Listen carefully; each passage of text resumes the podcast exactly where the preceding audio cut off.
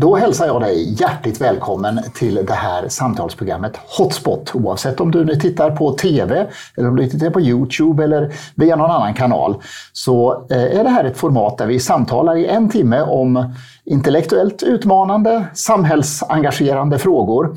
Och idag ska vi tala om ett ämne som angår faktiskt i princip alla av oss, nämligen skolan. Det är många av oss som arbetar i skolan på olika sätt och alla vi som har växt upp eh, har ju också gått i skolan. Och det kommer att handla om kunskap, om skolans läge idag och vad som kan behöva förbättras inför framtiden. Och idag har vi en gäst som har arbetat i många år med de här frågorna. Välkomna till ett timmes program med Inger Enqvist. Så Inger, hjärtligt välkommen till dig också till Hotspot-studion. Tack så mycket. Ja, det blir nästan som att du sitter här i Stockholms innerstad Ja. fastän vi sitter inne i en studio. Ja. Mm. Och det är väl många som inte känner dig så väl kanske. De kanske känner igen ditt ansikte och ditt namn från Svenska Dagbladet och andra platser. Men vem är du om du ska berätta? Eh, Jag har varit högstadie och gymnasielärare i, min tidigare, i mitt tidigare liv. Sen har jag eh, varit universitetslärare och professor i spanska och framförallt med spansk litteratur. Så jag har haft mycket med Spanien och Latinamerika att göra. Och samtidigt så har jag de senaste decennierna också hållit på med skolfrågor. Jag tycker att jag har både en praktisk och en teoretisk kunskap om skolor. Och jag har varit intresserad av språk och jag har rest mycket och sett hur skolsystem fungerar i många länder. Så att det är de två facetterna, span- Ja. spanska och utbildningsfrågor. Ja, och jag tycker det är så väldigt roligt att ha dig som gäst här också för våra eh, vägar de konvergerar eh, på flera sätt. Och divergerar ibland men både du och jag har ju arbetat som lärare i grundskolan och gymnasiet och, och sen jobbar vi i akademin. Och, det är bara det att vi har olika ämnesinriktningar men vi har ju haft ett fokus på, på skolhistoria och skolnutid också i forskning och skrivande. Så det, det här ser jag verkligen fram emot det här eh, samtalet. Men, men ändå lite nyfiken på hur kom du att få ett sånt intresse för Spanien om man börjar där? Ja, det var nog lite grann en så- så äventyrslystnad. Jag hade redan läst franska, och engelska och svenska och var lärarutbildad och hade börjat att jobba. Och på den, när jag var då i 20-årsåldern, då var det här med Spanien lite nytt och lite spännande. Eh, och det var lite farliga tider. Det var ju gerilla i Latinamerika och Franco i Spanien. Ja, Eh, och inte så många svenskar som kände till. Så att det, det var nog, en, som det heter nu på modern svenska, en utmaning att göra någonting som inte alla andra gör. Ja, det. Så då tänkte jag, nej, jag ska lära mig spanska också. Och sen så tog jag, la av de andra språken, la av engelska och franska och så vidare. Så behöll jag spanska och gjorde det till mitt huvudämne. Ja, och, och så vet jag att du reser ganska mycket i de spanskspråkiga länderna och deltar i olika utbildningskonferenser och andra typer av konferenser. Kan man säga något sammanfattningsvis, finns det något särskilt i den spanska kulturen och utbildningstraditionen som är värt att, att lära av i det svenska? Nej, vad ska jag säga, vad jag skulle säga är viktigt, det är att hela västvärlden, och då säger jag både Europa och Nord och Sydamerika, vi har så att säga påverkats av samma tendenser. Vi har gått ifrån en mer traditionell utbildning, det var ju den europeiska utbildningen som flyttades över till, till, till Amerika. Eh, och sen har vi påverkats av samma ideologiska rörelser. Eh, så att det, likheterna är mycket större än skillnaderna. Ja, och, och skill- skillnaderna är mera fråga om grad. Mm. Än, men, men det är samma personer och samma idéer som cirkulerar överallt. Ja. Men när du reser i olika länder, är det några särskilda länder du ser som ändå förebilder i någon mån i utbildningshänseende som är mer inspirerande än andra? Nej, jag skulle inte säga länder, utan jag skulle säga att man är, man är djupt oroad överallt för att man har, äh, impl- man har äh, infört ungefär samma metoder. Det som finns det är ju enskilda skolor som är duktiga på, på många ställen. Eh, Och de i sin tur använder ju ungefär samma metoder. Eh, och eh, mm, eh, Nej, jag, jag observer, observerar det här. Och eh, ett sak jag brukar säga i Latinamerika, det är att det är lätt att latinamerikanerna tror att Europa är lite i en bättre situation när det gäller ekonomi. Och då tror man, ja men det kanske är på grund av att man har vissa idéer i skolan. Försöker, nej, nej. det är trots att vi har infört idéer i skolan som inte är de bästa. Så de ska inte härma dem som har lett oss fel, för de kommer att leda dem också fel i så fall. Och de som läser dig då i Svenska Dagbladet och andra källor, de ser ju att du skriver ibland om spanska och den typen av saker som är kopplade till din professur. Men du skriver ju väldigt ofta om skola. Hur kom du att få ett sånt intresse för just utbildningsfrågor? Jag vet ju när det började. Det började i början på 90-talet, så länge sedan, när jag hade studiedagar för spansklärare. Och så mm. sa de allihop att jo, men det där skulle vi ju kunna göra om alla eleverna vore där. Om, om alla de som var i klassrummet ville lära sig. Mm. Om, om man hade stöd ifrån rektor. Och då tänkte jag här så här att ja, man får ta de, det viktigaste först, ramen först. Eh, och sen har jag tyckt att jag har kanske kunnat bidra med någonting då. Så att jag har en praktisk erfarenhet, jag har vana från universitetet att läsa rapporter mm. och jag har rest mycket och känner till mm, situationen i andra länder. Så jag tänkte att den här kombinationen, det kanske är någonting som jag kan bidra med ja. i debatten. Mm. Och sen har du fortsatt att slå på den spiken både i artiklar mm. och också i bokform. Mm. Och det som är allra färskast är ju mm. den här boken då, som mm. vi har med oss idag. Som heter Kunskap i kris, mm. ideologier i svensk skola på 2020-talet. Två nyckelord här, det är kunskap och det är ideologier. Mm. Eh, vad är bakgrunden till att du skrev just den här boken? då? Därför att jag har skrivit flera böcker förut. Jag har skrivit en om svensk skolhistoria mer, hur vi införde så jämlikheten och den fick gå före kunskapen. Precis, den har jag läst med stort intresse. Jag har skrivit en som heter God och dålig utbildning som jämför utbildningssystem i många olika länder. Mm. Så jag har skrivit kortare rapporter om språkutbildning och jag har skrivit om engelska skolreformer och om eh, lärarutbildning. Så att det, när jag lägger ihop alltihopa det här så är ju det som jag saknade själv i, i den här eh, utbudet, eller vad jag ska kalla det för, det är ju varför hamnade vi alltihopa det här? Mm. Varför gjorde vi det här? Och jag kunde inte se att andra som skriver om skolan har eh, brytt sig om det här. Mm. Vanligtvis så skriver man om hur är situationen just nu. Just det, man tittar på symptomen ja. men inte så mycket på rötterna. Nej. Eh, och då tänkte jag att jag ville fördjupa mig i det och mm. försöka förklara eh, varför vi har hamnat där vi har gjort. För vet man varför så vet man ju också vad man ska göra. Mm. Och då är det några idémässiga trender som du lyfter mm. fram. Det, det, som jag noterade. Mm. Det är progressivism, konstruktivism, postmodernism. Mm. Och på ett sätt så är de ju olika saker, men på ett mm. sätt menar de att du att det, det, är ganska lika. Ja.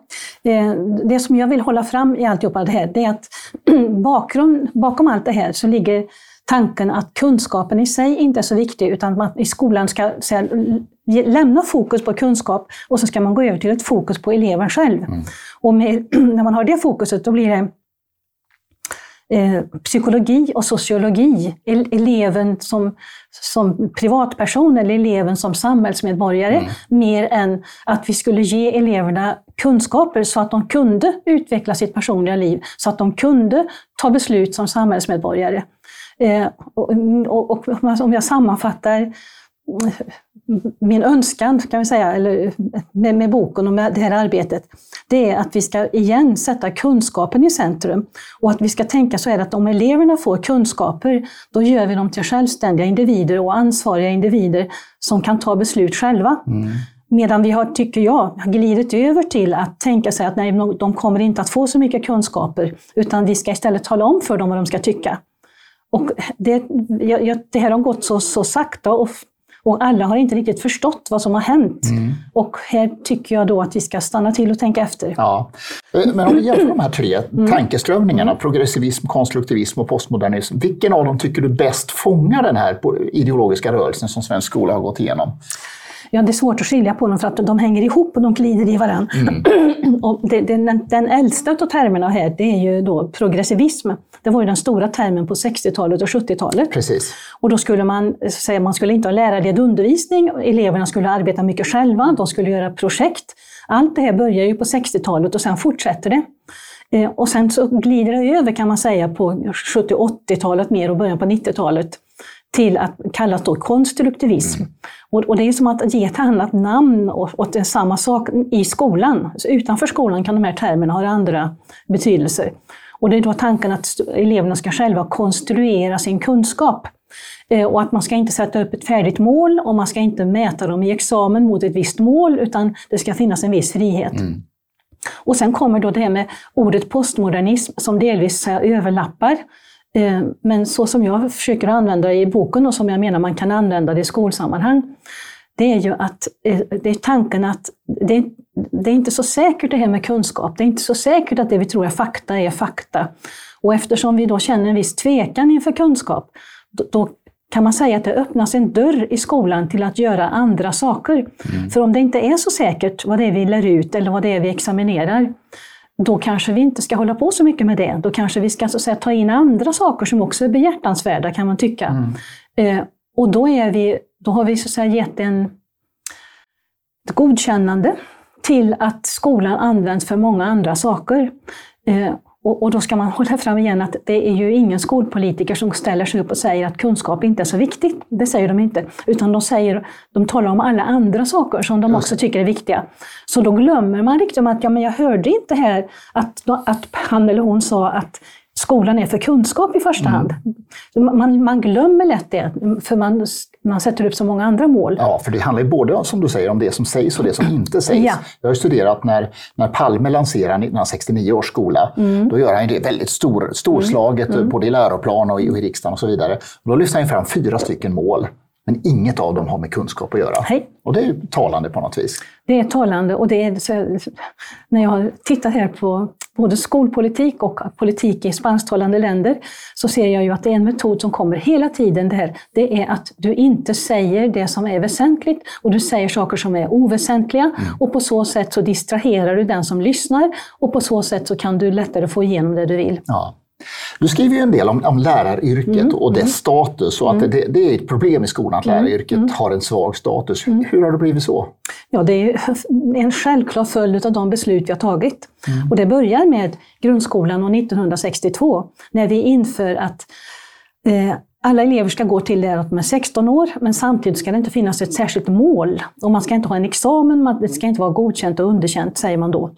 Eh, och, och, elever ska, som det hette då, flyttas. Och går man i femman så ska man gå i sexan året därpå oavsett om man inte mm. kan mer än som för tvåan. Det här var ju på den tiden, eller tidigare i alla fall, så man kunde få gå om en årskurs ja. om man inte uppfyllde målen. Ja, och det, det, kunde man i den så kallade realskolan och det kunde man i folkskolan om det behövdes. Mm. Men här kommer det här att det ska i princip inte förekomma det här. Men, men när man inte har något tydligt mål och man inte har någon annan åtgärd och alla elever ska gå i samma klass, då har man skapat en en så här, omöjlig situation för både elever och, och andra, för den enskilda eleven, för andra elever, för läraren och alltihopa. Mm. Då har man så här underminerat skolan som system. För den klassiska skolan då, den är ju byggd på, på kunskaperna och inte på eleven som person. Och nu sa man saker som att jo, men eleverna kanske skulle bli känna sig utanför om de, fick, om de inte var tillsammans med sina kamrater. Mm. Och det, mm. det, fick vara viktigare än att eleverna kunde det som man skulle lära sig i årskursen. Mm. Men på så sätt så underminerar man situationen. Och då kommer vi när du säger om lärarna. Ja, precis. När, sen du, har en, du är lärare på högstadiet och har en åtta. Och sen har du då många elever i den här klassen som inte alls har den nivån som de behöver. Mm. Och då ska du samtidigt få dem att komma ikapp. Mm. Och du ska hjälpa dem individuellt och du ska hjälpa alla de som har andra svårigheter. Och så ska du ändå ha en lektion för de som är ungefär åttor. Ja, det som man kallar för individualisering inom klassens ram. Just det, ja. så heter det. Eh, och, och, när vi börjar med det, då, då, börjar du att underminera det här. Sen i början så, så, så blev inte utslaget så starkt, därför man hade kvar många föräldrar som hade den gamla traditionen, många lärare som hade den gamla traditionen. Men när det går något decennium eller två så, så blir det här allt svårare att hålla i. Så, så det är det ena, det som händer i skolan. Så, så jag, jag har två svar på din fråga. Mm. Det är att skolsituationen är inte sådan att de duktigaste personerna, eller mest lämpliga, kanske vill vara lärare. Och det andra är då att du ändrar innehållet i, i lärarutbildningen. Du mm. an, ändrar eh, målen för lärarutbildningen. Och du just säger det här att det är inte kunskapen som är viktigt, utan det är eleven i centrum som, som mottot heter. Det är hur eleven mår och vad eleven tycker och så här. Och eleven ska hjälpa till och ta beslut i skolan. Mm. Så att det här, eh, här är det många som är intresserade av utbildning som säger så här, nej, det här är inte yrket för mig. Mm. Eh, så att vi måste då, om vi vill ändra det här, om vi vill ha en högre status för läraryrket, så måste vi ändra de här två sakerna. Både lärarutbildningen och själva läroplanen och skollagen. Mm. Och det där har vi faktiskt tagit upp i en tidigare bok som heter just så, Ny lärarutbildning nu. Det är ja. väldigt tydligt vad du är ute efter ja. i den boken. Ja. Jag tänker tillbaka när jag själv gick lärarhögskolan mm. på 90-talet. Mm. mm. Då kom man i kontakt med vissa tankeströmningar och, och mm. pedagoger och mm. ideologer som man inte kunde utvärdera då, för man var ung och man visste inte vad det fanns för olika ideologer. Men du lyfter fram några i din bok som är, du, du menar är avgörande för hur svensk skola har formats. Du säger framförallt om, om Dewey, mm. det går inte att överdriva Deweys inflytande på svensk skola. Mm. Mm. Amerikansk pedagog, vem är han? Varför har han haft sånt inflytande i Sverige?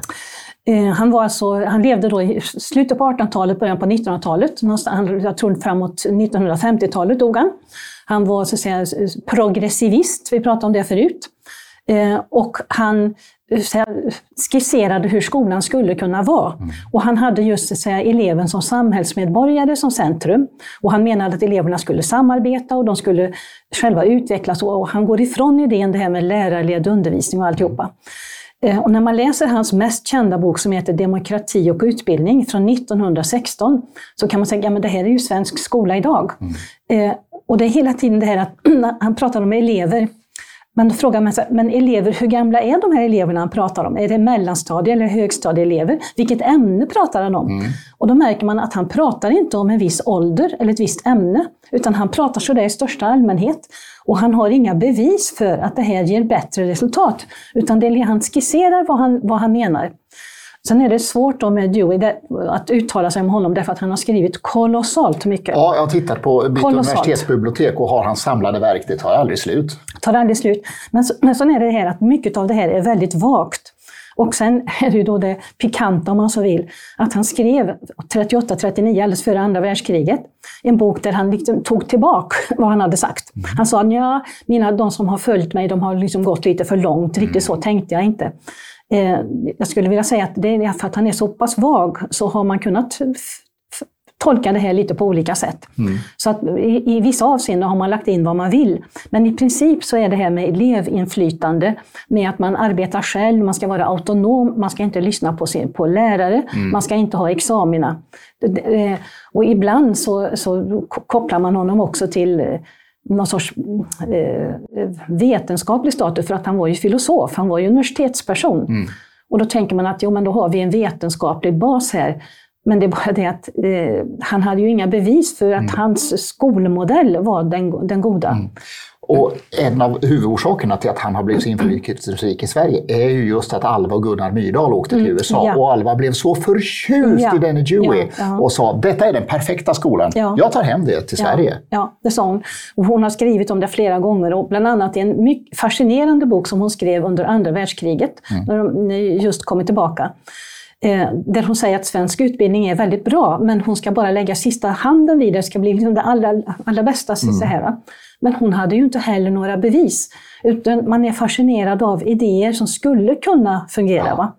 Eh, och, och det, det hemska här då, eh, det är att man använder hela länder som försökskaniner. Mm. Att man använder ländernas barn och unga och länder, något så viktigt som utbildningssystemet mm. utan att i förväg ha bevis för att detta är bättre. Ja, och, och jag tycker det är så intressant att läsa reaktionerna. För Alva mm. var ju delaktig i 1946 mm. års skolkommission och de lägger ju fram den här mm. Progressiva mm. pedagogiken som ska ta över skolan. Och då har jag läst remissvaren mm. på, som kommer in på, på det här. Och alla är negativa. Mm. Alla instanser i samhället ja. är negativa. Ja. För de säger att en sån här skola kan inte fungera. Nej. Men ändå så drivs hon så av de idealen som hon säger det är värt att, att pröva ändå att genomföra som försökskanin. Och då kan jag lägga till här att jag har tittat i Tage Erlanders memoarer och det nämner han på ett ställe Stellan Arvidsson som ju var den andra personen som mm. tillsammans med Alva Myrdal drev det här.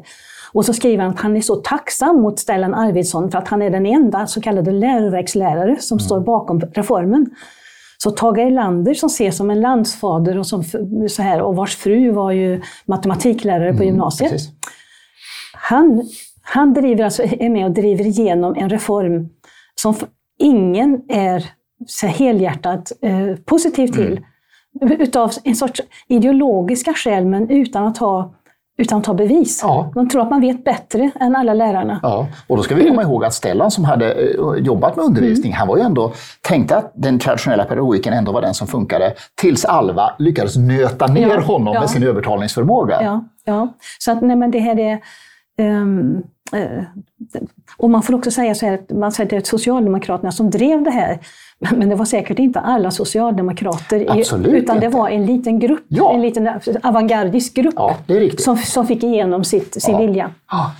Sen är det två andra pedagoger som du mm. lyfter fram som nog är väldigt okända också, eh, men, men som när jag gick lärarhögskolan mm. då fick mm. höra att det är de här två som är viktiga. Mm. Ja, och då får vi lära oss om dem. Eh, Piaget och mm. Lev Vygotsky, mm. eh, berätta om dem, du tar upp dem i boken. Ja, det är så här, från Piaget då så brukar man ha, det är en enda idé som kommer ideligen. Och han har alltså likheten med Dewey, att han har skrivit alldeles, alldeles enormt mycket. Så mm. att, men det som citeras om och om igen i lärarutbildningen, det är att man pratar om att en elev eller barn går igenom olika stadier. Och man tänker sig eh, att att de här stadierna är på något sätt naturgivna.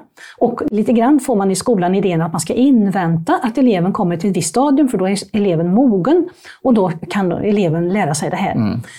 Men då ska man säga, det, det, det var igen, han höll på med laboratorieexperiment kan man säga. Han arbetade inte med olika modeller hur läraren skulle kunna förbättra och snabba på mm. Eh, inlärningen. Eh, så att han har använts, han har sagt väldigt många saker, men han har använts för att säga att eleverna kan själva söka sig fram och det kommer de att göra när de är mogna eh, till att göra det här. Så på så sätt så har han haft en tveksam inverkan. Eh, och Vygotsky var ju också mm. mycket med det, det, sociala och att inlärning är en social verksamhet. Alldeles viktigt. Det är klart att det är en social mm. verksamhet. Och så är det ju med alla de här. Det ligger ju någonting som ja, är sant i det de absolut. förmedlar. Det är därför ja. de har fått genomslag. Men ja. de blir kanske utopiska i sin skolsyn. Ja, och det lustiga med Vygotsky är ju att man citerar ju ofta saker som är...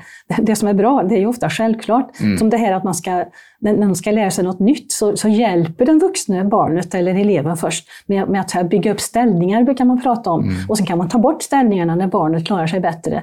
Eh, och, och att... Eh, det, det, som jag tycker bäst om hos Vygotsky, det är att han eh, insisterar på språket. Mm. Du måste ha ett gott språk för att kunna studera, för att vi, vårt intellekt fungerar genom språket. Men man kan säga att alla de här tre, de, de är egentligen inte så viktiga för hur man skulle förbättra skolan idag. Och därför så är det väldigt en besvikelse att man fortsätter att studera eh, de, de här eh, teoretikerna då, som, som faktiskt har många år på, på, mm. på nacken. Eh, och, och, de förbättrar inte läget idag.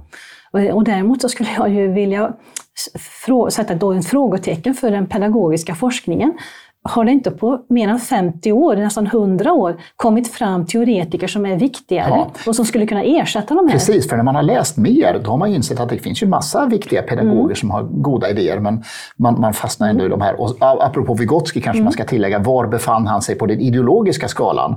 Han, han, han levde ju i Sovjetunionen, han var ju alltså väldigt långt åt vänster. Och långt åt vänster var ju också de andra två, Dewey framför allt, och, och även eh, Piaget, alla, alla låg åt vänster. Mm. Och, och, och, det var ju, eh, man, man kan eh, se en linje då i, i utvecklingen och den är att man är anti-auktoritär. Man tror att inlärning och med lärare och lärobok, det är en auktoritär verksamhet mm. och man tror att man ska frigöra eleven från det här. Och det finns i nästan hela utvecklingen här med progressivismen. Eh, tanken att om, om vi kan, eh, att, att de unga de ska vara fristående, precis som kvinnorna, mm. precis som de färgade, mm. precis som olika grupper. De ska frigöras. Och det, här, det är ju en missuppfattning och det säger bland annat Hanna Arendt, som jag också citerar här, mm. att du, du, du som alltså levde i tredje riket? Ja, och som visste vad det här gällde. Mm. Du, du blir inte mera fri för att du inte får kunskap, utan det är ju tvärtom. Har du kunskap så är du fri att ta beslut om vad du ska göra. Mm. Och, och, hon säger ju också väldigt tydligt om du fråntar läraren auktoritet i klassen, så är det inte så att auktoritet försvinner, utan den, den går till någon annan som ja. vill ta, ta sig mm. den här auktoriteten. Och det brukar ju vara då någon elev som inte då kanske är så skolintresserad eller så här, utan du får andra personer som blir starkare mm. i, i gruppen. Eh, och det har vi ju sett många exempel på. Så att eh, det, det finns, och det är också då en, en punkt som man skulle säga igen, när man studerar skolutvecklingen och skolideologier och alltihopa. Det finns så mycket kunskap. Vi, vi, det är inte så att vi behöver så att säga, börja från noll för att, mm. för att uh, förstå det här. Utan om vi bara läser till och drar konsekvenser av vad vi ser, ja. så skulle vi kunna förbättra mycket. Mm. Vi hade ett seminarium i Almedalen i somras mm. som handlade om, om bildning i stort. Mm. Mm. Och då hade vi lite folk från friskolebranschen, mm. från, som var skolkonsulter och från lite olika delar. Uh, och de var ganska överens om att det här progressiva projektet har, har gjort att man har fått en bristande förståelse inte bara för bildning utan mm. även för religion och värderingar och sånt som har mm. byggt skolan mm. traditionellt. Jag vet inte om du mm. håller med om det? Ja, och, och, en sak som jag har studerat då just i, i samband med den här boken, det är ju det här med värdegrund. Ja. Vi har ju en officiell värdegrund i Sverige och vi har, det finns något som heter Värdegrundsboken, ja. som kommer år 2000 eller året före.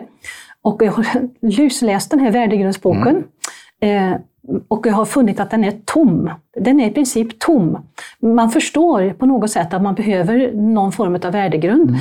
men man har inget att sätta in. Så om man skulle sammanfatta lite snällt vad värdegrundsboken säger, så är att man ska vara snäll. Ja, det men är inte det lite märkligt? För att vi, vi har ju i grunden en värdestyrd skola i Sverige sedan mm. Sen LPO 94 mm, mm. som säger att vi har fem grundläggande värden och mm. fyra fostransmål. Mm. Och ändå blir det den här mer dimmiga värdegrunden som, som tar över. Hur, hur ska vi förklara det där?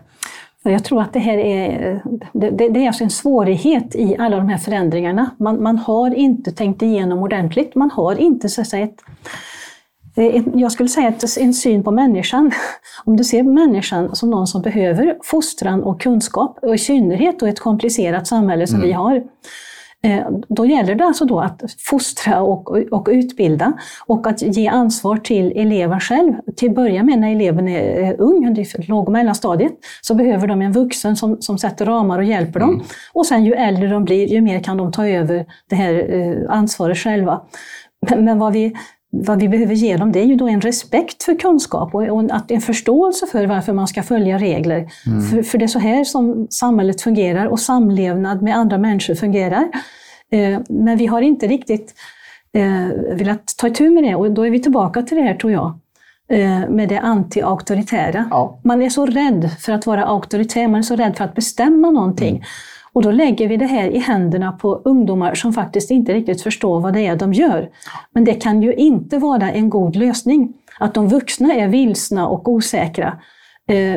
Det blir ju inte bättre för att mm. vi ger det här till elever. Som, igen, här, va? det är ju inte så att de äntligen får bestämma någonting som är viktigt för dem. Utan det är att de får bestämma över någonting som de inte förstår och som ofta inte, inte är det som de helst skulle vilja bestämma över. Det, det, eh, man, man mm. frågar sig, men hur har vi hamnat i det här? Ja, men det, det är ju som jag har undersökt i min studie, att det har varit en medveten politisk strävan ja. där ja. det anti-auktoritära har mm. varit så centralt i ja. det parallellt med det autonoma projektet.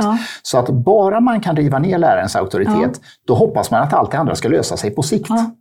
Och om vi tittar då på konsekvenserna, mm. du tar upp några i din mm. bok med, mm. med, liksom, med, med könsord och kränkningar och mm. våld och så vidare. Mm. Har den här mer allmänna värdegrunden löst problemen? Det är en retorisk fråga. Nej, det är klart att den inte har. Den, den är helt meningslös, den är helt tom. Den är, den är genant och man kan säga att numera så är det ju sällan som någon refererar till värdegrundsboken mm. och själva ordet värdegrund eh, används också på ett, på ett väldigt vagt sätt.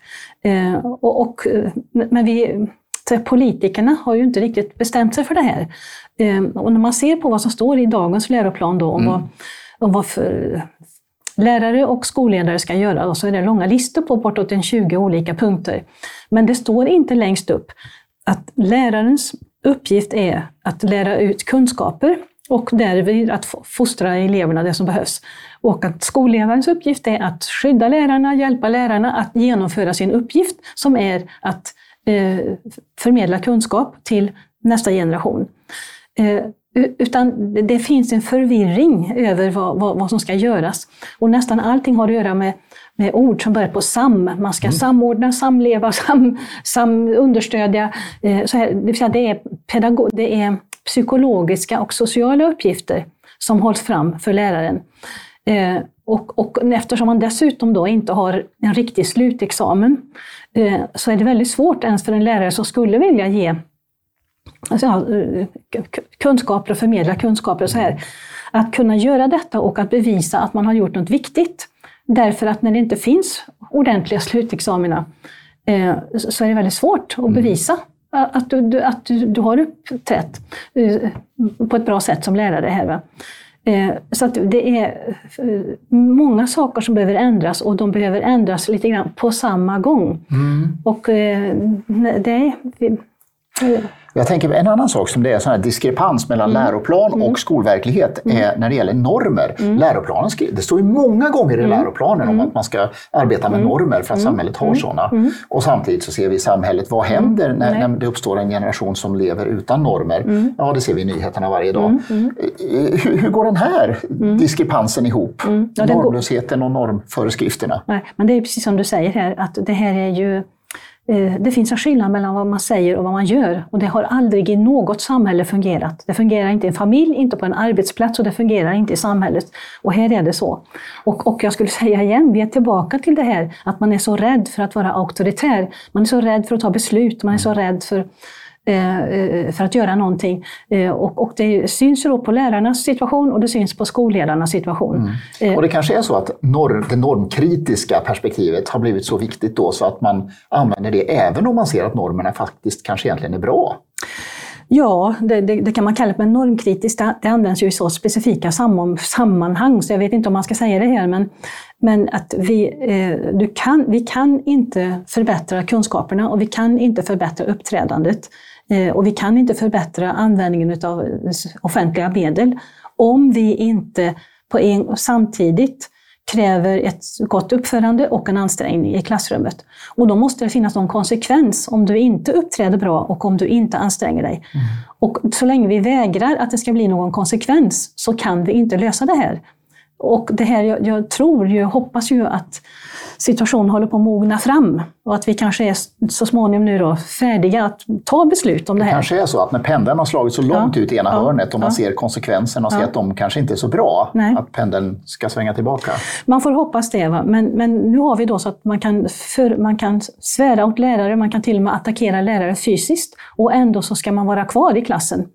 Eh, du, kanske, du kanske blir ett samtal eller någonting sånt här. Va? Men om sen inte eleven rättar sig efter det här så är eleven snart tillbaka igen. Därför att vi har inte satt upp några alternativ. Vad ska vi göra med den elev som inte rättar sig efter det här?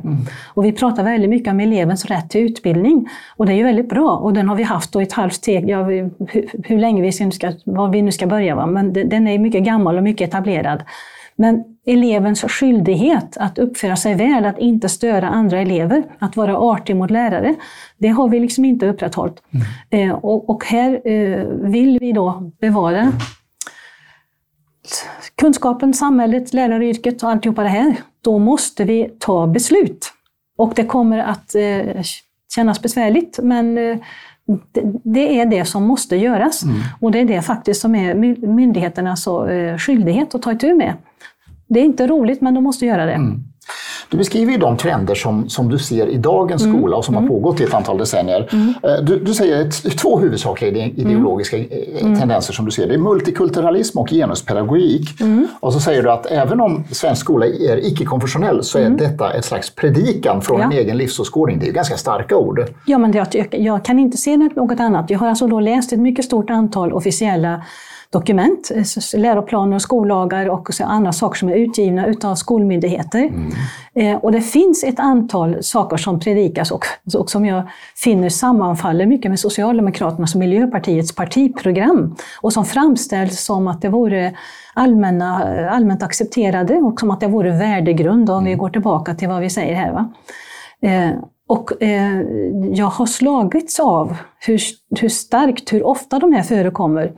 Eh, och jag har slagits av att samtidigt som de här väldigt starka idéerna får ett, får ett genomslag så, så har vi krympt och krympt och krympt eh, lärokurserna, eller kursplanerna, när det gäller eh, fakta. Eh, Så så vi har glidit eh, över ifrån ett ett kunskapsbaserat innehåll till en mera eh, ideologisk eh, innehåll. Då kan man säga då här, till exempel om miljöfrågor. Du kan säga att miljön är viktigt och vi har inte tid att lära dem allting om biologi och kemi och så här, utan vi måste gå direkt till att lära dem goda vanor när det gäller det. Men nu har vi ju gått så pass långt att det, det, jag får säga predikas mycket om hur man ska uppträda när det gäller miljöfrågor. Va? Men det, det är inte så många unga personer, eller äldre heller för den sakens skull, som kan förklara varför man ska göra på, på, på ett eller annat sätt. För i den bästa världen skulle man kunna göra båda dera. Det Ja, skulle en god skolutbildning kunna Ja, förmedla. ja, visst. Och den, den skulle vara mycket starkare eftersom den skulle vara eh, sammanhängande ideologiskt eller intellektuellt också. Mm. Men, men, skolans första uppgift tycker man är ju att ge grundkunskaper så att de som vuxna eh, och, och som samhällsmedborgare och som, som röstberättigade kan ta beslut här. Men nu, gör vi, nu går vi rakt på hur de ska tänka och tycka och, och vad som är acceptabelt. Och det här är, det är, ju, det är ju naturligtvis ett hårt ord, men det är ju en form av indoktrinering. Mm. Och, då kan man säga att det är för det godas skull. Ja, det är klart att avsikten är god, det kan, vill jag inte ifrågasätta. Men jag menar ju att proportionerna mellan den sortens handfasta uh, order om vad man ska göra och kunskapen som, som eleverna behöver för att mm. förstå vad de gör. Det, det, det, det är för svagt samband och det är för lite utav Eh, utav det här. Och nu ska man kan lägga till att det, det har ju att göra med en annan av punkterna om den sociala jämlikheten. Att ska alla, om vi nu tar högstadiet, ska alla gå i samma klass fastän de har på helt olika nivåer, mm. Eh, så kan det vara svårt att lära ut biologi och kemi och vad det nu är. Va? Och, och då, då, då, kan det här att gå direkt till hur man ska bete sig, hur man ska göra i miljöfrågor, det är naturligtvis en frestelse. För då tänker man att ja, men vi får något gjort i alla fall, vi får förmedlat det här. Men det är ju en... Eh, det är ju mycket... Det är för enkelt. Det är för en skola med självbevarelse att, att göra på det här sättet. Mm. Eh, så, så, vi, har, vi har mycket att rätta ja, till där. Sen har du en annan formulering i samma härade som jag tycker är så intressant för den är så drastisk, så mm. du får eh, mm. försvara den. Genuspedagogiken uttrycker att det, det, är mer än bara att verka för ja. jämställdhet, som vi tycker är sympatiskt och bra. Du säger att det är en del av att förändra hela den västerländska civilisationen. Det är ett rejält påstående. Hur underbygger du det? Ja, eh, därför att de, de det är ju då här att det, inte, det ska inte finnas någon verklighet. Det finns inte män och kvinnor. Det finns inte säga, eh, en konstaterad typ av sexualitet. Det, och det är att, att människorna faktiskt är sexuellt Uh, uh, vi, vi förökar oss sexuellt. Det, man, allt det här vill man säga, förändra då. Uh, och det här att man ska, ungefär som Orwell säger i sin berömda roman, då, man ska förneka sina ögons vittnesbörd. Du ska, du ska ifrågasätta om det som du ser är rätt. Och, och, vi har då en lång tradition, om vi nu tar med just den vetenskapliga, från empiri och annat, att vi kan här, se, vi, vi, vi konstaterar bland annat med våra sinnen hur det här fungerar. Men en hel del av genuspedagogiken vill ju ifrågasätta det här, vad vi ser och vad vi kan konstatera. Och det är en del av det postmoderna tänkandet ja. och det autonoma perspektivet. Ja, eh, eh, och dessutom är det ju intressant att eh, det pratas mycket om då genusperspektiv och hur detta ska genomsyra hela undervisningen i, i, i alla ämnen. Och då, då får du ju att om du, om du har matematik och sen plötsligt så är matematikuppgifterna saker som har att göra med genuspedagogik, så, så, då, så tar du ju utrymme ifrån matematik och som ges då till genus eh, så vidare. Här, va? Eh, det har påverkat historia genom att man då ska ta upp olika gruppers historia eh, och, inte så att säga vad, som förr var då majoritetssamhället eller, eller eh, gruppen. När, när det här genusperspektivet kommer in i alla ämnen så, så är det ju som att hamra in ett visst sätt att tänka Eh, i det här. Och som är ofta då någon mån fientligt. För, tanken är ju då här att det finns en majoritetsgrupp och det finns då framförallt då vita heterosexuella män, och medelålders kanske. Och de har varit en privilegierad grupp och då ska allting annat eh, tas fram. Och, och eh, detta är ju, en, det, det är ju ett sätt att förminska den den utveckling som har skett. Och det är att förminska kunskapsutvecklingen, den tekniska utvecklingen, den medicinska utvecklingen och, till och med säga vårt samhällssystem. Det här att vi har då en demokrati och att det här kan fungera någorlunda. Mm. In, inte perfekt, men någorlunda. Mm. Det, det, är ju en oerhört lång utveckling som bygger på alltihop. Mm. Och, och, inte minst så bygger det på tanken av att det faktiskt finns då något som är konstaterbart och inte. Det finns, om vi nu kallar det för sanning här då, Eh, och vi, vi kan nämna då säga, institutioner, skolan bygger faktiskt på det. Det juridiska systemet bygger på det. Pressen bygger på det. Mm. Så säga, hela, och naturligtvis är egentligen politisk debatt borde bygga på det. Mm. Nu bygger det inte alltid på det, va? men vi, det, det är vårt, he, hela vårt sätt att se världen och organisera samhället bygger ja, på det här. För nu har vi pratat mycket om de här idéerna som ja. ligger bakom och, det här får ju vissa konsekvenser också. Ett av dem är just det som du lyfter fram, att kunskapsbristen, att kunskapen mm. har gått ner. Mm. Och det kanske hänger ihop just med hur man ser på kunskap. Ja, ja visst. Och, och det är det jag vill, jag vill hålla fram här. Eh, och som jag tycker är kanske då att man eh, går förbi i många eh, andra, andra personer som bryr sig om skolan. De kanske tittar på hur effektiv är penninganvändningen? Hur effektivt, vad, vad kan 15-åringar? Vad kan 15-åringar jämfört med personer i andra länder? Allt det här är ju bra. Men vad, vad, man, vad jag vill lägga till här, det är själva idén. Vad är kunskap och vad är det vi ska ägna oss åt i skolan? Mm. Och att vi, vi, vi, vi går faktiskt inte in på, för att ge unga personer mesta möjliga kunskap. Det är inte, inte målet, utan målet är alla de här andra sakerna som vi också vill att ungdomarna ska, ska lära sig. Så det är alltså inte underligt om vi inte har bättre kunskapsresultat när vi har den inriktning som vi har. Mm. Samtidigt så, så, skulle jag vilja gå tillbaka till det som du var inne på i början, det där mm. med att det är inte säkert att alla länder har olika tankesätt och system, utan det kan vara olika skolor i sin mm. närhet. Mm. Du har ett så väldigt intressant exempel från nordöstra USA. Mm. Du har en skola som heter Hamilton High, mm. som du jämför med den katolska grannskolan St. Paul. Hur är skillnaderna i utfall mellan de här skolorna? Ja, och det är då, vi är på 70 80-talet och eh, vi är på, den, den, officiella skolan då går in för att vara multikulturell, att vara jämställd, mm. att vara, den är så att säga progressiv. Och det låter jättetrevligt. Det låter jättetrevligt, men den är progressiv i den här märkelsen. Och, och eh, lärarna eh, får det, det uppdraget att man ska integrera alla elever oavsett mm. vilka förkunskaper de har och man ska försöka hålla kvar dem i skolan. Och därför så ska man liksom, så att säga, ändra skolan så att fler elever vill stanna kvar. Eh, och det visar sig då att de har svårt att sätta upp regler och det blir bråk och det blir droganvändning och det blir det ena och det tredje. Och många eh, elever drar sig ifrån den här skolan och till och med ifrån det kvarter utav stan som det här ligger. Medan då den katolska, den katolska skolan eh, bredvid, som, som används som kontrast, där har man ett, ett etos, man har en grundare som, som man ser upp till eh, familjerna söker till skolan, så mm. de vill att de ska gå där. Och man, eh, och man lyckas då både ha ett gott intellektuellt resultat och ett gott socialt resultat. Mm.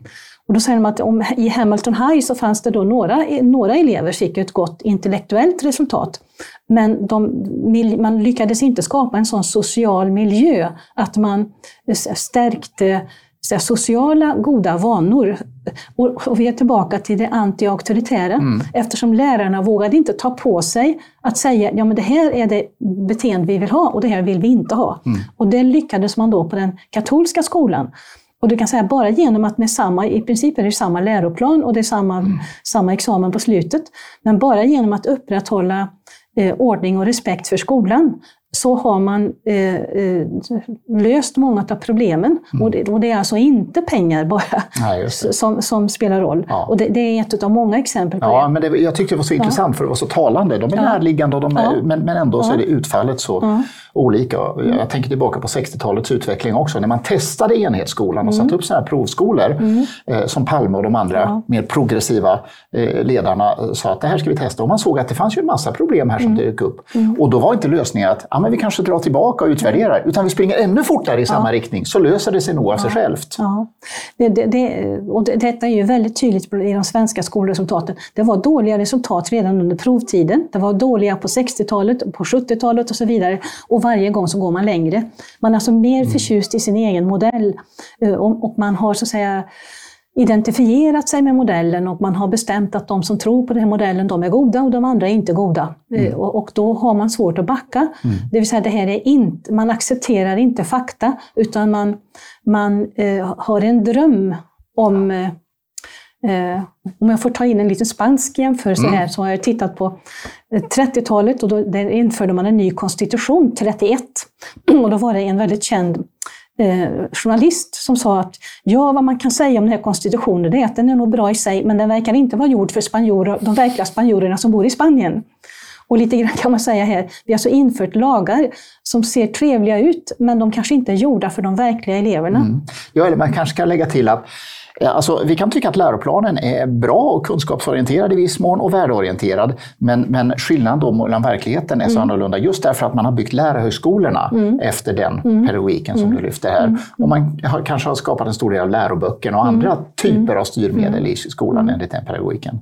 Visst är det så. Och dessutom har vi nu lagt till en, en skolinspektion som ju inte är mer än ungefär 15 år gammal. Eh, och eh, den följer ju då säga, ordalydelsen här och går och prickar av om man gjort precis som som står ja. där. Så därför är de här eh, vi, behöver alltså ändra läroplanerna, vi behöver ändra skollagen och ta bort då, säga, formuleringar som kan låta bra men som vi inte kan genomföra i verkligheten. Mm. Det, det, det, och det går alltså inte att, att, ta samma plan som man hade och sen ändra lite grann i kanten och tro att det ska bli någon förbättring. Mm, nej, det verkar så. Eh, så, så nu har vi lyft två av de tre trender som du har lyft fram mm. som konsekvenser av mm. det här. Det ena är då oordningen och kriminaliteten som man mm. såg till exempel på Hamilton High, kunskapsbristen. Mm. Och sen det yttersta är ju woke-ideologin ja. som väl syns mer i USA och, och Storbritannien kanske än här. Men, men är det liksom det yttersta utopiska konsekvensen av det här? Ja, framförallt som jag, som jag tycker så borde jag säga woke-ideologin inte ha någonting i skolan att göra. Det är inte, de här är unga personer, de är barn eller de är tonåringar och de håller på att säga, lära sig det som de behöver för, för att uh, ta itu med, med, med, samhället. Och de behöver, de behöver då kunskaper för det uh, uh, i Sverige så pratar man mycket om det livslånga lärandet och jag är helt för livslångt lärande och jag hoppas att jag själv har lärt mig mm. hela livet. Men det är bara det att de, du måste ha en god grund för att kunna fortsätta att lära dig. Mm. Och det är den som får en god grund som sen fortsätter att lära sig på olika sätt. Och eh, Vokes, den går ju mera ut på vem är du? Vem är du i din sociala, eller etniska, eller mm. religiösa eller eh, sexuella roll? Vem är du? Och centrum på elev, fokus på eleven i centrum vad jag menar är att vi skulle ha så fokus på kunskaperna. Det, det, är, det är kunskaperna. Vilka kunskaper kan du? Den som du är. Eh, I sko, ur skolans synpunkt är, vad har du lärt dig? Vad kan du göra?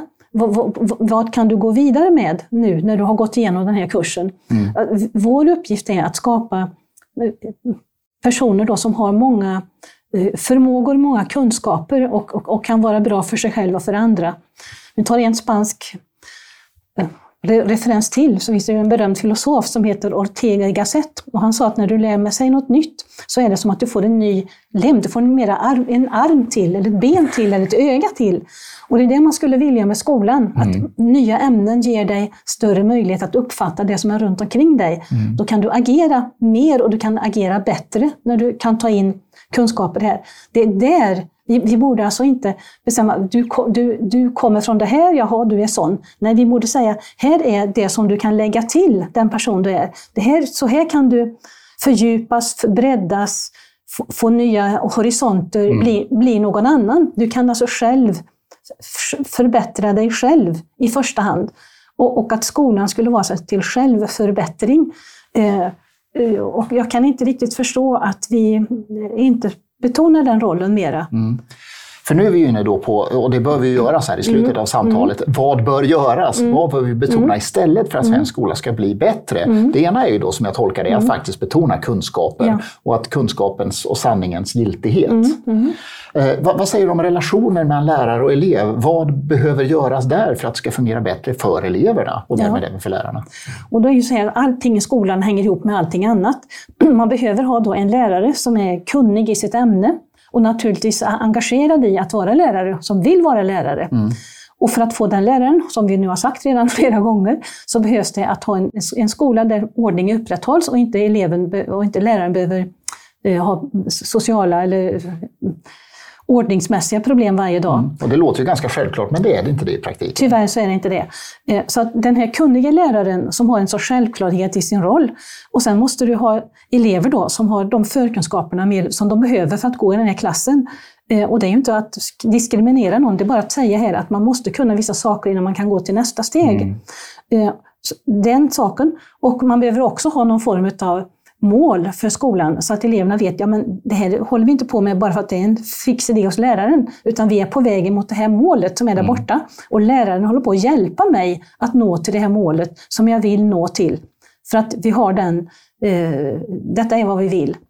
Eh, och det här, så det behöver, man behöver läroplan, skollag, en annan sak, en, eh, och ny lärarutbildning någon form av examen, fastän det är ett, ett, ord som man helst inte vill ta i sin ja, mun. För nu har vi ju examen och vi har lärarlegitimation och så vidare. Men vad, vad bör Nej. förbättras i eh, lärarutbildningen menar du? Man ska ha ett större fokus på kunskaperna framför allt och sen ska man eh, ta bort en hel del av det som är mer psykologiskt och socialt och så, så, ska man kanske mer se hur man ska hantera en grupp, för det är den stora svårigheten för en ung lärare. Mm. Det är att lära sig att umgås med sin grupp och, att, eh, och inte råka i konflikter. Mm. Och som vi kan kalla det för konflikthantering eller eh, ett antal rutiner och sätt att tänka och se omkring det här så man kan eh, upprätthålla den goda kontakten. Och det är, eh, man kan lära sig. Och, och, jag skulle ju föreslå då att man har, läser sina ämnen först, oavsett vilken nivå man är på. Mm. Och att man sen har kanske ett års praktik i en skola och har en handledare där. Då ser man allt som brukar hända under ett läsår och, och man i, följer en erfaren lärare. Eh, så att man, när man är på egen hand sen helt och hållet eh, har den här erfarenheten. Mm. Eh, nu är det ju många blivande lärare som får panik när de är, hamnar i en klass och eh, vet inte vad de ska göra. Och det är alltså många som lämnar lärarutbildningen under utbildningen. Det är många som lämnar yrket under första året. Mm. Och efter fem år så, har det kanske uppåt 30 procent, eller olika vilket land och så här, som har lämnat yrket. Så, så att vi har ett stort problem med mm. att folk lämnar yrket. Och vore det ett annat yrke så skulle man ju ta det här direkt som en intäkt på att ja, men det är något fel på den här arbetsplatsen. Mm. Eh, och det här är oerhört dyrt, om inte annat, att eh, utbilda personer som sen inte kommer att arbeta som ja. lärare. Så, så vi har eh, det här är självklarheter. Mm. Jo, men ändå. Det är tydligt att man behöver ja. upprepa självklarheter. Och du som språkvetare, ja. vad säger du om språkets roll? Vilken roll behöver den spela i skolan för att det ska fungera bra? Du sätter, det här får du stoppa med här, för om jag börjar prata om det här så tar det aldrig slut. Språket är så att säga, redskapet i allting. Det är redskapet för att förstå det, det som någon säger, det man läser, det är redskapet för att uttrycka sig, det är redskapet för att vara så här, tillräckligt nyanserad så man kommer överens på ett civiliserat mm. sätt med alla andra. Eh, och, och, och, det, är vårt mest, det är det mest kreativa. Som många har sagt här, att när vi talar så säger vi hela tiden saker som ingen har sagt förut. Mm. Och som vi själva inte har sagt och som andra inte har sagt. Det, det, är alltså en stor del av vår mänsklighet är knuten till vårt språk. Ja. Och vad behöver förbättras här då för att svensk skola ska fungera bättre? Det behövs, då tar vi hela den här raden förut, men om vi bara nämner en sak av det här, så är det då den, den, den äh, läraren. En lärare som har ett utvecklat språk, den dels förstår att främja det här hos eleverna. Sen hör de ju läraren och tar åt sig av språket som de bara hör. Det hjälper dem också. Eh, och, och en, en, sorts precision i användningen av språket som är, kan vara då som en modell.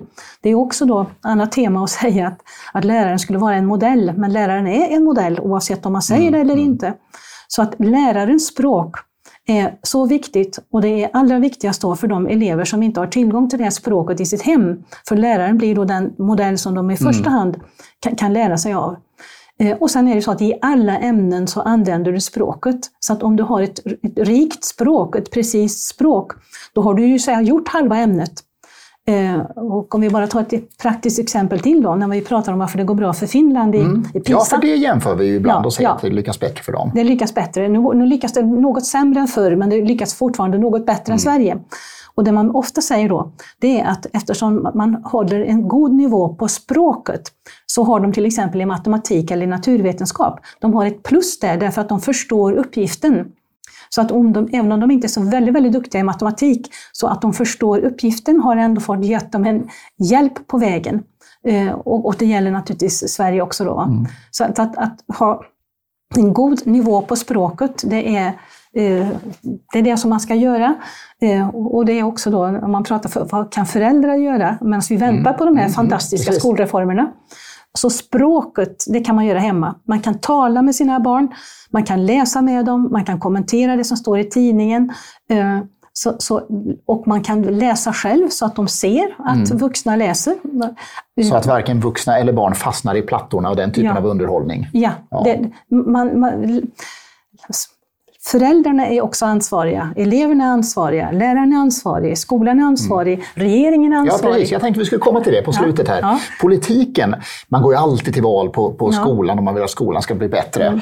Eh, nu ser vi ändå en skillnad i perspektiv om vi läser Tidöavtalet jämfört mm. med föregående skolpolitik. Mm. mm. Hur tänker du kring det? Jo, det är goda föresatser, och, eh, men nu ska vi se vad, vad man vågar. För att det har, andra regeringar har också haft goda föresatser och sen har man liksom mm. Annat innan man kommer Men det är en väldigt tydlig omskiftning i perspektiv, att man vill att lärarens auktoritet ska tas tillbaka. Mm. Men hur lätt eller svårt verkar det här vara att genomföra i praktiken? Ja, men då måste de ju, då måste de ju ändra eh, det som vi pratade om, reglerna för elevernas uppförande. Du måste alltså skapa alternativ till klassen. Om eleven uppför sig illa i klassen så måste du ha ett alternativ. Mm. För annars kan du inte få de här lärarna som du vill ha. Och du måste ändra lärarutbildningen. Eh, och då måste du alltså göra sådana förändringar att eh, vissa personer då på lärarutbildningarna kanske kommer att få göra nya uppgifter eller de kommer att förlora sina uppgifter eller vad det nu är. Detta är eh, svårt att ta itu med. Mm. Man, man måste ha en stark beslutsamhet. Eh, och jag har ju försökt i, i, bland annat min bok här då, att ge några exempel på vad man borde göra. Mm. Men det är alltså inte bara att säga att vi ska stärka lärarens auktoritet, för om du inte har stärkt alla de här tre ja. andra sakerna, för auktoriteten är en konsekvens utav de här andra mm. sakerna. Och sen består ju skolan av alla oss som på ett eller annat sätt finns i den. Och du mm. noterar ju också i boken att det, det, du ser ett visst hopp bland vissa lärarstudenter mm. Mm. som protesterar mot det här progressiva projektet i pressen och på andra sätt. Det kanske är en hoppsignal? Ja, det finns vissa förhoppningar, men, men eh, hittills så tycker jag att det som har ändrat sig det är lite grann att man ser mer diskussion i pressen. Jag kan inte se att vi har ändrat så mycket i verkligheten. Mm. Eh, jag hoppas förstås, men jag kan inte se att vi har gjort det. Eh, det har, det, nu tar vi igen det här med Spanien, att, att eh, det har kommit signaler från Sverige om att vi kommer att vara lite mer försiktiga med digitalisering i skolan. Det har ju alltså hoppat från den ena nyhetsbyrån mm. till den andra över världen. Och det nästan alla politiker nu också ja. och tar upp det över flera partier. Ja, Så att, så att, och då kan man säga att det är väl hoppfullt att någonting som var alltså en tvekan inför en ny digitaliseringsstrategi i Sverige, det har plötsligt blivit en världsnyhet. Mm. Och då får man ju intrycket av att man satt och väntade på att någon skulle börja. Mm. och här var det någon som började och då, då blev det här en nyhet. Det är bara att hoppas då att eh, vi tar fler initiativ av den här sorten, så skulle vi kunna göra en insats för utbildningen i världen. Ja. Du, vi har fått med många pusselbitar, både symptombeskrivningar och också goda råd för framtiden. Du ska mm. ha stort tack för att du har kommit och delat den här timmen med oss, Inger Enqvist. Tack så mycket. Och till dig som har tittat så vill jag också tacka för att du har ägnat den här tiden åt att fundera över skolfrågor och förhoppningsvis har du blivit mer informerad, kanske också provocerad i vissa avseenden, men gör som eh, den bibliska principen, pröva allt och behåll det som är gott och så förhoppningsvis kan vi skapa en bättre morgondag och en bättre skola. Tack för att du har tittat!